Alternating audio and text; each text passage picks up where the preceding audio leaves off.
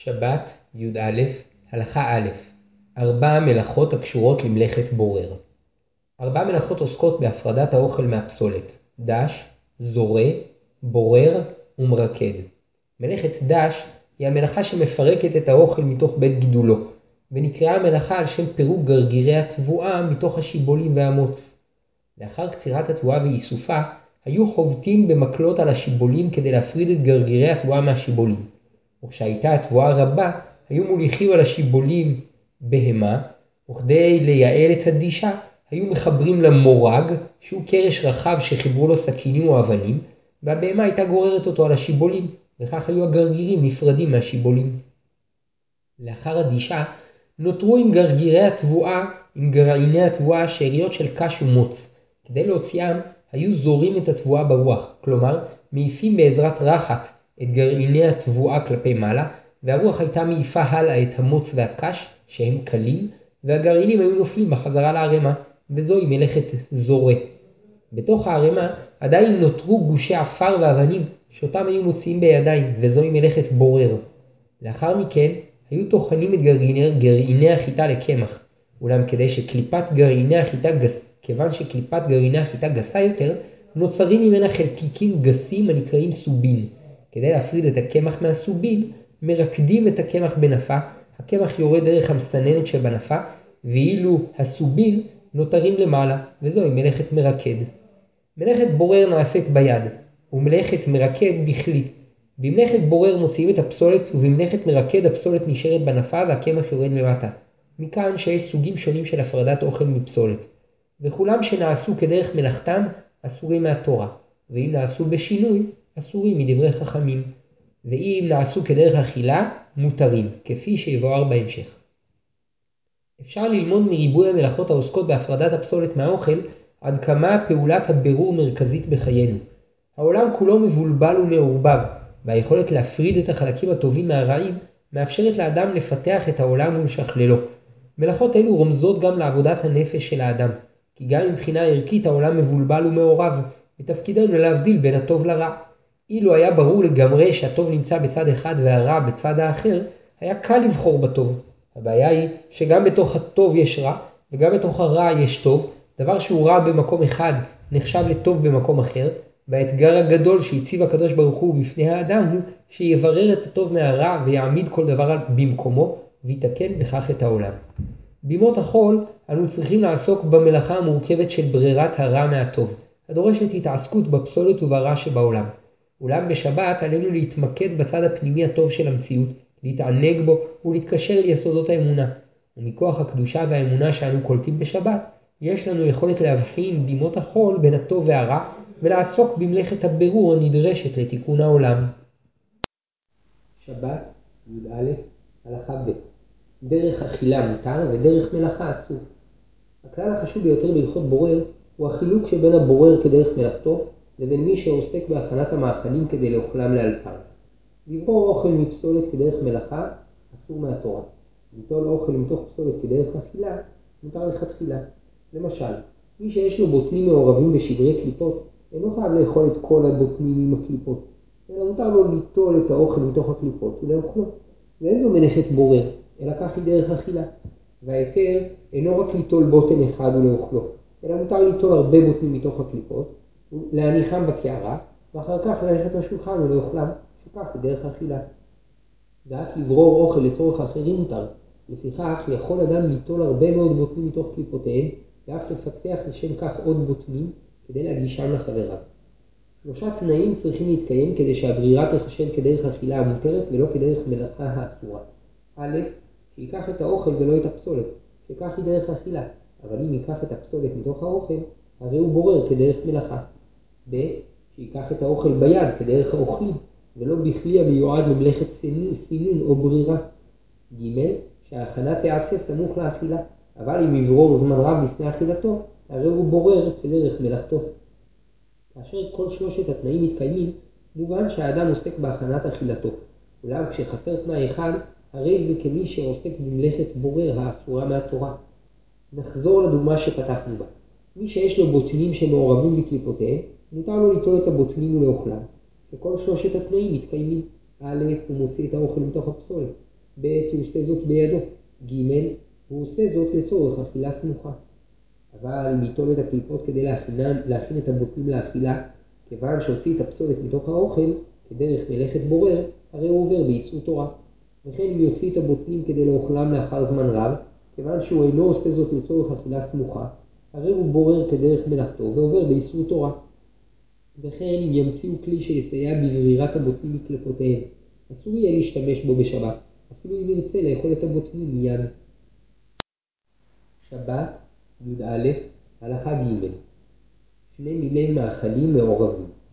גם הפרדה בין שני מיני מאכלים מעורבים אסורה משום בורר, ואף ששני המינים ראויים לאכילה, כיוון שהם מינים שונים, והוא מעוניין שכל מין יעמוד בנפרד, הרי שכל מין נחשב אצלו כפסולת לגבי חברו, וממילא בהפרדתם הוא מתקנם, והרי הוא עובר באיסור בורר.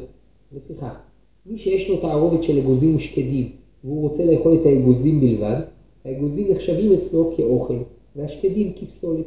ואם כן, מותר לו ליטול את האגוזים מתוך השקדים, כדי לאוכלם לאלתר, שכך היא דרך אכילה. אבל אם יוציא את השקדים, הרי הוא מפרידם כדרך בורר, ועובר באיסור תורה. ואם הוא רוצה להגיש לפני המסובים את האגוזים בנפרד ואת השקדים בנפרד, שניהם נחשבים לגביו כאוכל, ומותר לו להפרידם זה מזה כדי להגישם לאלתר לפני המסובים. אבל אסור להפרידם כדי להגישם לאחר זמן. כל שיש הבדל בטעם נחשב כמין נפרד. לפיכך, חתיכות של בשר צלי שמעורבות עם חתיכות של בשר מבושל, וכן חתיכות של בשר עוף שמעורבות עם חתיכות של בשר הודו, הרי הם כשני מינים שאסור להפריד ביניהם. אבל כאשר כל מיני הבשר הם מאותו הסוג, אלא שיש שם חתיכות גדולות וקטנות, אין איסור להבדיל בין הגדולות לקטנות. שבת, י"א, הלכה ד' האיסור רק בתערובת. איסור בורר קיים רק כאשר שני המינים מעורבים ביניהם, אבל אם הם מונחים זה לצד זה, אין איסור להפרידם. למשל, כאשר ישנם לפניו אגוזים ובוטנים מעורבים, והוא רוצה לאכול לאלתר את האגוזים, מותר לו לקחת את האגוזים מתוך התערובת, ואסור לו להוציא את הבוטנים. אבל אם הם מונחים זה לצד זה, מותר להוציא את כל הבוטנים כדי להגיש את האגוזים, שהואיל ואינם מעורבים, אין בהם איסור בורר. חתיכות של דג ממינים שונים שמעורבות אלה באלה, חלים עליהן דיני בורר. מותר ליטול את החתיכות שהוא רוצה לאכול לאלתר, ואסור להוציא את החתיכות שאינו רוצה לאכול. ואף שהן גדולות, אם הן מעורבות אלה באלה, וצריך לטרוח ולחפש אחר החתיכות שהוא רוצה, יש בהן דין בורר. אבל אם כל החתיכות שהוא רוצה לאכול נמצאות למטה, מותר להסיר את העליונות כדי ליטול את התחתונות, שהואיל והן מסודרות, מין אחד למעלה ומין אחד למטה, אין בהפרדתם איסור בורר.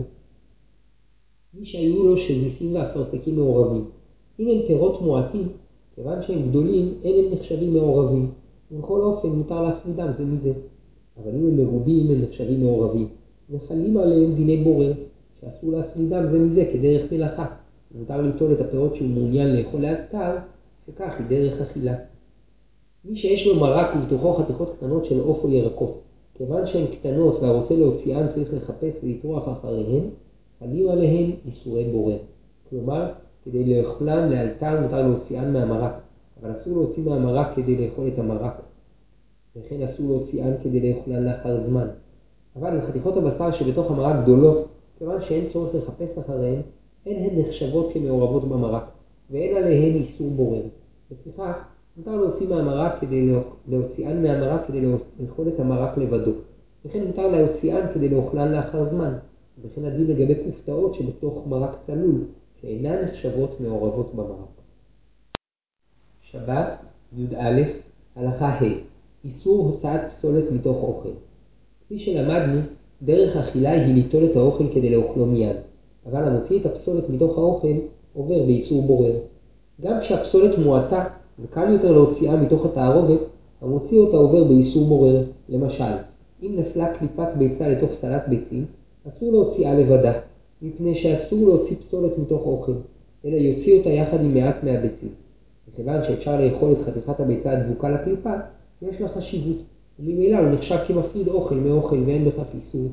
וכן אם נפל גרעין לימון לתוך סלט, לא יוציא אותו לבדו, אבל יכול להוציאו עם מעט סלט. וכן מי שיש לו אשכול ענבים, שיש בו ענבים טובים ופגומים, אסור להוציא מהאשכול את הפגומים, אלא בשעה שירצה לאכול, ייטול את הענבים הטובים ויאכלם.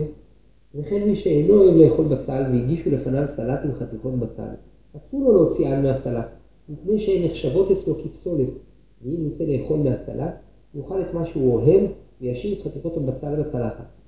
ואם יש שם חבר שמוכן לאכול את חתיכות הבצל שבסלט שלו, מותר לו להוציאן כדי שחברו יאכל אותן לאלתר, ובאופן זה גם חתיכות הבצל נחשבות כאוכל.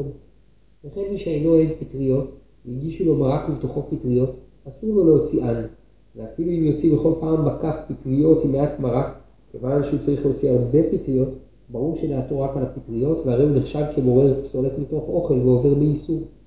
אבל אם חברו אוהב פטריות ומוכן לאכול אותן מיד, מותר לו להוציאן מתוך הקערה שלו ולהעבירן לקערתו של חברו. שבת, י"א, הלכה ו', לאלתר. כפי שלמדנו, איסור מלאכת בורר הוא כדרך מלאכה, אבל מי שמפריד את האוכל מהפסולת כדי לאוכלו לאלתר, אין זה בכלל מלאכת בורר, שכך היא דרך אכילה. לפיכך, אדם שרוצה לפצח אגוזים עבור בני ביתו, אם כדי להגישם לאלתר, מותר, ואם כדי להגישם לאחר זמן, אסור מהתורה, כי כך היא דרך מלאכה. וכן מי שיש לפניו תערובת של גרעינים שחורים ולבנים, והוא רוצה לאכול את השחורים, אם יברור את הגרעינים השחורים כדי לאוכלם לאחר זמן, יעבור על איסור בורר מהתורה. אבל אם הוא רוצה לאוכלם לאלתר, מותר לו להוציא את כל הגרעינים השחורים שהוא רוצה לאכול. מותר לאישה שעוסקת בהכנת הסעודה לברור אוכל לצורך כל בני ביתה ואורחיה. למשל, מי שיש לה תערובת של בוטנים ושקדים והיא רוצה להגיש שקדים בלבד, מותר לו להוציא לפני הסעודה את השקדים ולהכינם בקערה, כדי להגישם בסוף הסעודה. ואפילו אם הסעודה תארך שלוש שעות, כיוון שהיא מכינה אותם סמוך לתחילת הסעודה, וכך מקובל להכין את כל המאכלים לפני הסעודה כדי להגישם במשך הסעודה, הרי שהוצאת השקדים הייתה כדרך אכילה ולא כדרך מלאכת בורר. העיקר שהוצאת האוכל תהיה סמוכה לסעודה, היינו בזמן שרגילים להכין את הסעודה. אבל אם תעשה זאת לפני כן, הרי היא עוברת באיסור בורר. והכל תלוי במספר האנשים וגודל הסעודה. שלא הרי היא סעודה שיש בה חמישה אנשים, כי סעודה שיש בה שלושים איש, ולא סעודה שיש בה מנה אחת, כי סעודה שיש בה שלוש מנות. מי שאינה יודעת מתי בדיוק יחזרו בני ביתם מבית הכנסת, מותר לה להקדים מעט בברירת האוכל מתוך הפסולת לצורך הסעודה, כדי שלא יצטרכו להמתין לה, אבל תיזהר שלא תקדים יותר ממה שנצרך כדי להכין את הסעודה לקראת בואם. מי שהתכוון לברור אוכל מתוך פסולת לצורך הסעודה הקרובה, ולבסוף נשתייר ממה שהכין גם לסעודה אחרת, אין בידו איסור, ובלבד שלא יערים לעשות כך בכוונה. שבת, י"א, הלכה ז', ביד ולא בכלי. כפי שלמדנו, מותר, לאכול אוכל, מותר ליטול אוכל מתוך פסולת כדרך אכילה, ואחד משלושת התנאים לכך, שהדבר ייעשה ביד ולא בכלי שנועד לברירה. למשל, מי שיש לו גרעינים כלופים מעורבים בקליפותיהם, אפילו אם הוא רוצה לאוכלם מיד, אסור לו לסנן אותם דרך רשת שהגרעינים עוברים דרכה והקליפות נשארות למעלה, מפני שהוא משתמש בכלי. כף ומזלג אינם כלים שנועדו לברירה, אלא לסייע ליד לאחוז במאכל. לפיכך מותר להוציא בהם את האוכל מתוך הפסולת. למשל, מי שיש לו תבשיל שמעורבים בו מינים שונים, מותר לו ללקט במזלג את כל המין שהוא רוצה לאכול, להניח בצלחתו ולאוכלו לאלתר. אסור להוציא את גלעיני הזיתים בעזרת מכשיר מיוחד שנועד לכך, מפני שהוא עושה זאת בכלי שנועד לברירה. במלחיות רבות מניחים בנוסף למלח גם גרגירי אורז, כדי שיספגו את הלחות וימנעו את המלח מלהתגבש.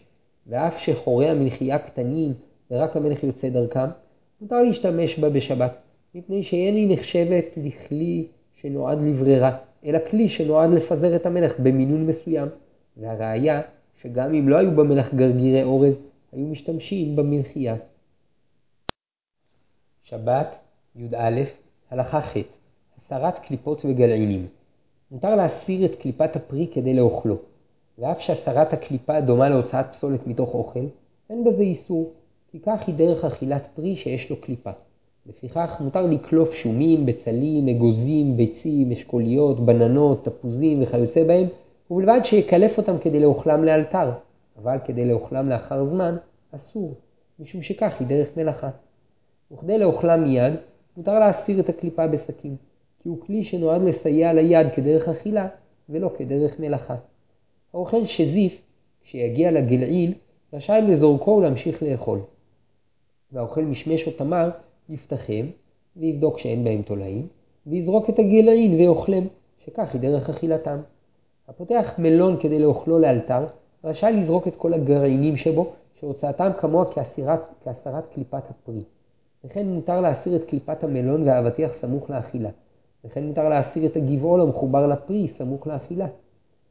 נחלקו הפוסקים לגבי פירות שניתן לאכול, לאכול את קליפתם, כגון תפוחים, אגז, אגסים, מלפפון וגזר, האם שייך איסור בורר בהסרת קליפתם? יש אומרים שהואיל וגם הקליפה ראויה לאכילה, אין כאן איסור בורר, אלא הרי זה כחותך את הפרי לשני חלקים, וממילא מותר לקלפם כדי לאוכלם לאחר זמן, וכן מותר לקלפם על ידי מקלף, ויש אומרים שהואיל והוא אינו רוצה את הקליפה, הרי היא נחשבת לגביו כפסולת, ולכן כללי בורר, בורר חליל עליו. וממילא מקלף נחשב כלי ברירה, ולכן בשום אופן אין להשתמש במקלף, ורק כדי לאוכלם לאלתר מותר לקלפם בסכין, והרוצה להקל, יש לו על מה לסמוך. שבת, י"א, הלכה ט' עצמות שבדגים ובבשר האוכל דגים שיש בהם עצמות, רשאי להוציא את העצמות תוך כדי אכילתו. כלומר, יתחיל לאכול את הדג, וכשיגיע לעצמות שמפריעות לו, יוציא אותן בידו או במזלג וימשיך לאכול. וכן הדין לגבי מי שאוכל בשר שיש בו עצמות. יתחיל לאכול את הבשר, וכשיגיע לעצם שמפריעה לו, יוציא אותה בידו או במזלג, וימשיך לאכול.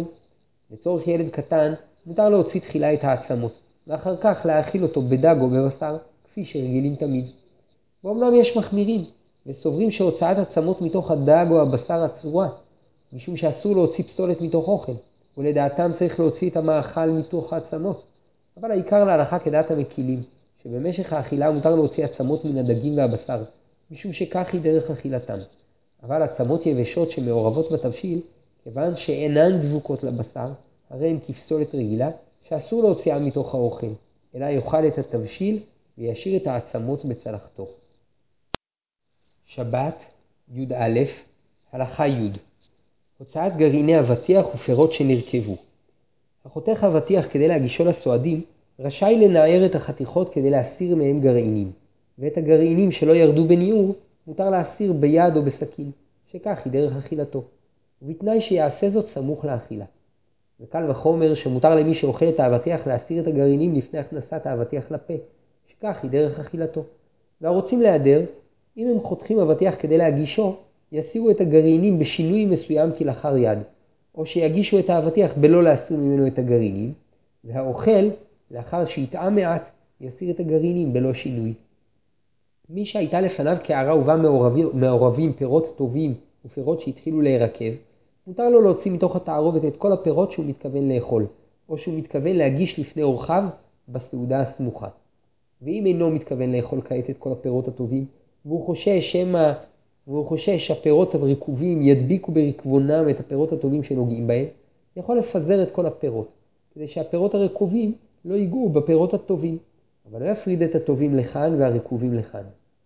פרי שנרקב במקצתו עד שאינו ראוי כל כך לאכילה, במקום החיבור שבין החלק הרקוב לחלק הטוב ישנה תערובת, ולכן אסור לחתוך ולהסיר את החלק הרקוב, כי בזה הוא מוציא פסולת מתוך אוכל.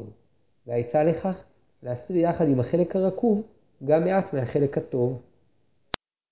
שבת, י"א, הלכה י"א, סינון משקים. גם סינון משקים עלול להיות אסור מהתורה, ודינו תלוי במצב המשקה. אם יש במשקה פסולת ובלא הסינון אי אפשר לשתות את המשקה, הרי שהסינון הוא מלאכה שמכשירה אותו לשתייה, והמסנן אותו עובר באיסור תורה. ואם גם בלא הסינון המשקה ראוי לשתייה, מותר לסנן אותו במסננת. ואף שעל ידי הסינון הוא משתפר מעט, אין שיפור זה משנה באופן מהותי את המשקה ולכן אין בו איסור. במצב ביניים, שהמשקה עכור ובלא סינון רוב בני האדם אינם רגילים לשתותו ורק בשעת הדחק שותים אותו, אסור לסנן אותו במסננת. ונחלקו אם מותר לסנן אותו בבד שלא כדרכו. לדעת רוב הראשונים מותר, ולדעת הרמב"ם אסור. וכתבו האחרונים שראוי להחמיר בזה כדעת הרמב"ם. לפיכך, שמרים שמעורב בהם יין, כיוון שאינם ראויים לשתייה, אסור לסננם כדי להוציא מהם את היין, ואם סיננם עבר באיסור תורה. ואם היין עכור, עד שרוב בני אדם אינם רגילים לשתותו, אבל ניתן לשתותו בדוחק, אסור לסננו במסננת, וגם על ידי בד ראוי שלא לסננו. לעומת זאת, יין שראוי לשתייה, מותר לסננו כדי שיהיה צלול יותר, שהואיל וכבר לפני הסינון היה ראוי לשתייה, אין סינונו נחשב למלאכה. וכן מיץ תפוזים שיש בו חלקיקי פרי, כיוון שרוב בני אדם רגילים לשתותו בלא סינון, אין איסור לסננו במסננת. וכן מותר לפתוח בשבת ברז שיש עליו מסננת, או להוציא מים דרך כלי שמסנן אותם, שהואיל וגם לפני כן המים היו ראויים לשתייה, אין סינונם נחשב למלאכה.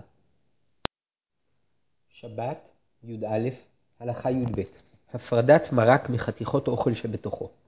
מרק שמעורבות בו חתיכות מאכל, כגון חתיכות קטנות של ירקות ואטריות, אסור להפריד את המרק מהירקות והאטריות. ואף על פי שגם המרק וגם הירקות והאטריות ראויים לאכילה, כבר למדנו שאסור להפריד שני מאכלים זה מזה, אבל כדרך אכילה מותר להפרידם. וכפי שלמדנו, כדי שפעולת ההפרדה תחשב כדרך אכילה, צריכים להתקיים שלושה תנאים. א', שיוציא את האוכל מתוך הפסולת. ומה שהוא מתכוון לאכול עכשיו נחשב כאוכל. ב', שייטול את האוכל ביד או בכף או במזלג ולא בכלי שנועד לסייע לברירה. ג', שנטילת האוכל תהיה לצורך אכילה סמוכה ולא כדי לאוכלו לאחר זמן. לפיכך, הרוצה לאכול לאלתר את המרק ולא את הירקות, הרי שהמרק נחשב לגביו כאוכל, והירקות כפסולת, ואם כן, מותר לו להטות את הסיר באופן שהמרק יישפך לבדו לתוך הקערה, ואף שהמרק יוצא ממש מתוך התערובת, אין בזה איסור, מפני שהוא מוציא את האוכל מתוך הפסולת. אבל אסור לעשות זאת בעזרת מסננת, ואפילו בעזרת כלי שלא נועד לסינון, כדוגמת מזלג וכף, אסור, וכן אסור לקרב את מכסה הסיר לסיר, ולפתוח ביניהם פתח צר כדי שרק המרק יוכל לעבור דרכו. אבל מותר להכניס את המצקת למרק באופן שרק המרק יעלה בה, כי כך היא דרך הוצאת המאכל, ואין זה נחשב סינון בעזרת כלי. ואם הוא רוצה לאכול רק את הירקות והאטריות, אסור לו להטות את הסיר כדי לשפוך את המרק מתוכו, מפני שבאופן זה הוא נחשב כמוציא את הפסולת מתוך האוכל, דבר שאסור אפילו אם מגמתו לאכול את הירקות והאטריות לאלתר.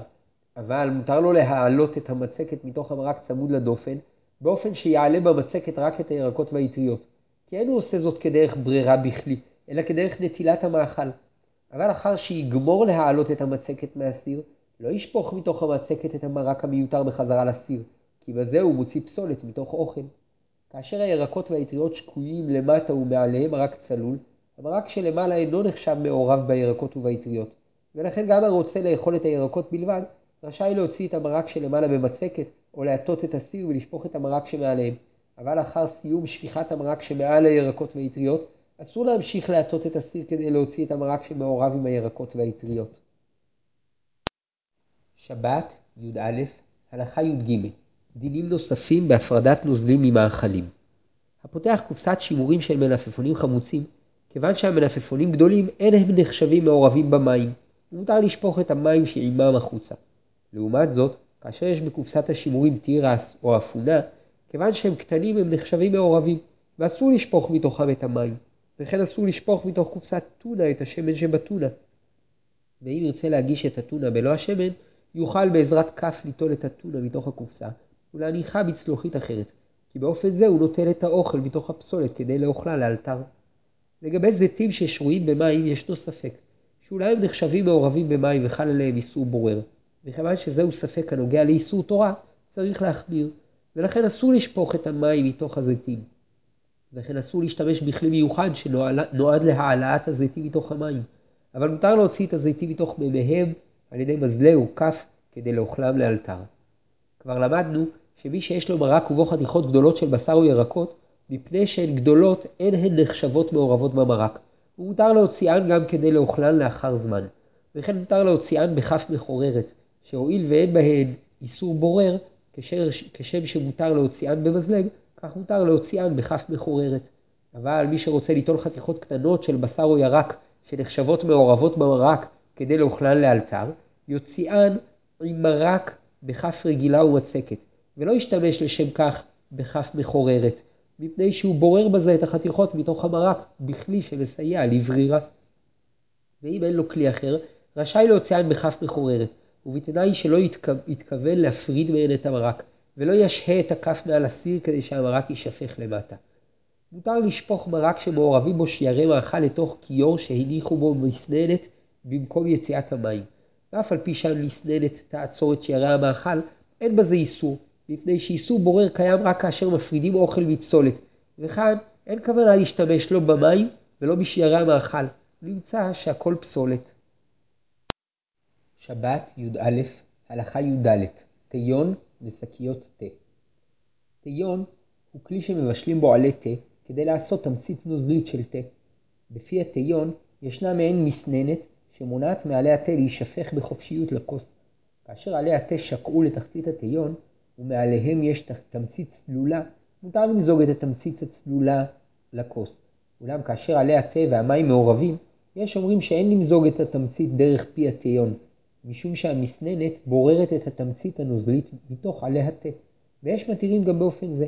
מכיוון שאפשר בקלות להוסיף עוד מים חמים מכלי שני לתוך התיון, ועל ידי כך יהיו בו מים רבים שלא יהיו מעורבים בעלי התה, עדיף לנהוג כך, ולא להיכנס לספק איסור בורר.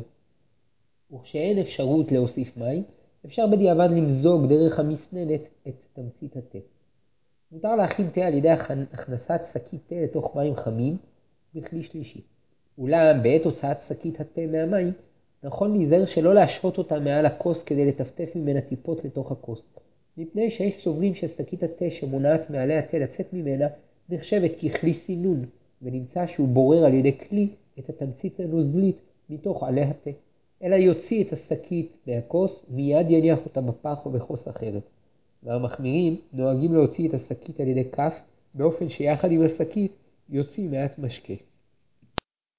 שבת י"א הלכה ט"ו הוצאת חרקים מאוכל ועוד דינים. חרק שנפל לתוך כוס תה וצף על המים, יש מתירים להוציאו לבדו, ויש מחמירים וסוברים שהוצאתו לבדו אסורה משום בורר, מפני שזו הוצאת פסולת מתוך אוכל, ונכון להחמיר להוציאו בכף, באופן שיעלה עמו גם מעט מהמשקה, או שיטה את הכוס וישפוך מעט מהתה עם החרק. וכן הדין אם החרק נפל לתוך מרק או תבשיל, שמותר להוציאו בכף עם מעט אוכל. אבל אם נפלו לתוך המרק או התבשיל כמה חרקים, אסור להוציאם עם מעט אוכל, מפני שברור שעיקר כוונתו על הפסולת, והאוכל שבכף טפל, נמצא שהוא מוציא פסולת מתוך אוכל ועובר באיסור. והתקנה לכך, לקחת יחד עם כל חרק הרבה אוכל, למשל על ידי כוס, עד שעיקר מה שהוא מוציא יחשב אוכל, ואז יחשב כמפריד אוכל מאוכל, שאין בכך איסור. מותר לשטוף פירות שנדבק בהם עפר כדי לאוכלם לאלתר, אבל אסור להשרותם במים כדי שהעפר ייפרד מהם וישקע. שבת, י"א, הלכה ט"ז, כלים, משחקים, סכו"ם וספרים. כשם שיש איסור בורר במיני מאכלים, כך יש איסור בורר בשאר דברים, כמו ספרים, כלים ובגדים. וכל הכללים שנאמרו בדיני בורר במאכלים, חלים על שאר סוגי התערובות. כלומר, מותר לקחת מתוך התערובת דבר שצריכים להשתמש בו לאלתר, מפני שהוצאתו אינה כדרך מלאכה, אלא כדרך שימושו של אותו דבר. אבל אסור להוציאו כדי להשתמש בו לאחר זמן, וכן אסור למיין תערובת, וקל וחומר שאסור להוציא מן התערובת את החלקים שאין מעוניינים בהם. למשל, ילדים שערבבו שני סוגי, סוגים של משחקי קוביות, אסור להפריד את שני המשחקים. אבל אם הם רוצים לשחק כעת בסוג אחד, מותר להוציא מתוך התערובת את אותו הסוג, מפני שאין זה מיון כדרך מלאכה, אלא כדרך משחק, שבתחילת המשחק לוקחים את הקוביות המיועדות לו. גם בסכינים, כפות ומזלגות שנתערבו, יש איסור בורר, ואף על פי שהם גדולים, וההבדל ביניהם בולט, מכל מקום, כאשר הם מרובים, הם נחשבים מעורבים. לפיכך, אסור למיינם ולהניח כל סוג לבדו, אבל אפשר אחר שטיפת הסכו"ם לנגב כל כלי בנפרד, ולהניחו בתואר מיוחד, מפני שבאופן זה אין הוא בוחר את הכלי מתוך התערובת כדי למיינו, אלא הוא לוקחו באופן אקראי כדי לנגבו, ואחר שהכלי כבר בידו, מותר להניחו בתואר מיוחד. לקראת הסעודה, מותר לקחת כלי סכו"ם מעורבים, ולהניח ליד כל צלחת את הכלים המתאימים, מפני שאין זה כדרך מיון, אלא כדרך הכנת הסעודה, ובתנאי שהדבר ייעשה סמוך לסעודה. גם בספרים ייתכן דין בורר. למשל, אם יתערבו חומשים רבים בערימה, והגבאי רוצה להביא למתפללים את החומש שקוראים בו, אסור לו להוציא מתוך התערובת את החומשים שאינם מתאימים, וכן אסור להוציא מהתערובת את החומשים המתאימים זמן רב לפני התפילה, אבל סמוך לתפילה מותר להוציא מהתערובת את החומשים המתאימים, מפני שאין זו דרך ברירה אלא דרך לקיחת ספרים ללימוד. ספרים שמונחים במדף אינם נחשבים מעורבים, ולכן מותר לאדם להכין לעצמו ספרים שהוא מעוניין ללמוד בהם לאחר כמה שעות. מי שלמד מספרים רבים, מותר לו להחזירם לארון בשבת כדי לשמור על הסדר, וכיוון שהוא מחזירם, יכול להחזיר כל ספר למקומו. שבת, י"א, הלכה י"ז, מלאכת דש ומפרק. מלאכת דש היא המלאכה שמפרידה מן השיבולים את גרגירי החיטה, ודרך מלאכה זו היא שהיא נעשית בעזרת כלי או בהמה. אמנם הממולל שיבולים בידו כדי להפריד, להפריד מהם את הגרגירים לא עבר באיסור תורה, כיוון שלא דש כדרך שרגילים לדוש על ידי כלי. אולם חכמים אסרו זאת, משום שבפועל הוא מפרק את גרגירי החיטה מן השיבולים.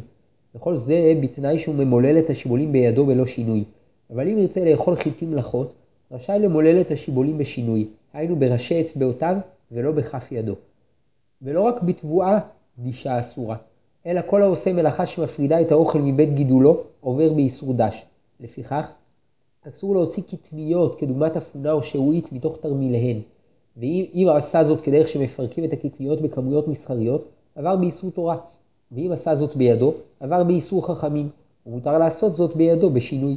ואם התרמילים ירוקים וראויים לאכילה, מותר להוציא את הקטניות בלא שינוי, מפני שאיסור דש הוא רק כאשר הקליפה אינה ראויה לאכילה. יש למלאכת דש תולדה שנקראת מפרק, שעניינה להוציא דבר מתוך דבר, ואף היא אסורה מהתורה, ובכלל זה אסור לסחוט ענבים וזיתים.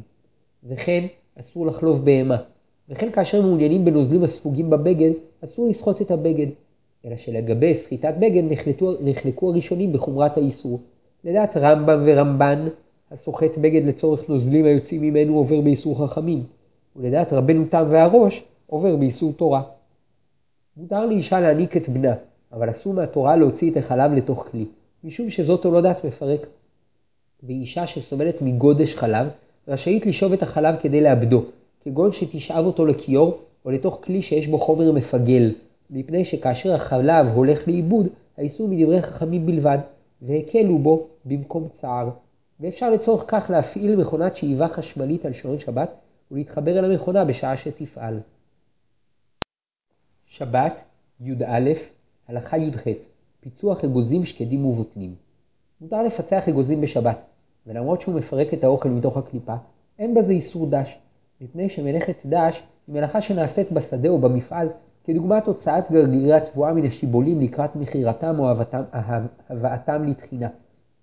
וכן הוצאת שעועית או אפונים מתוך תרמיליהן לקראת שיווקן לרבים.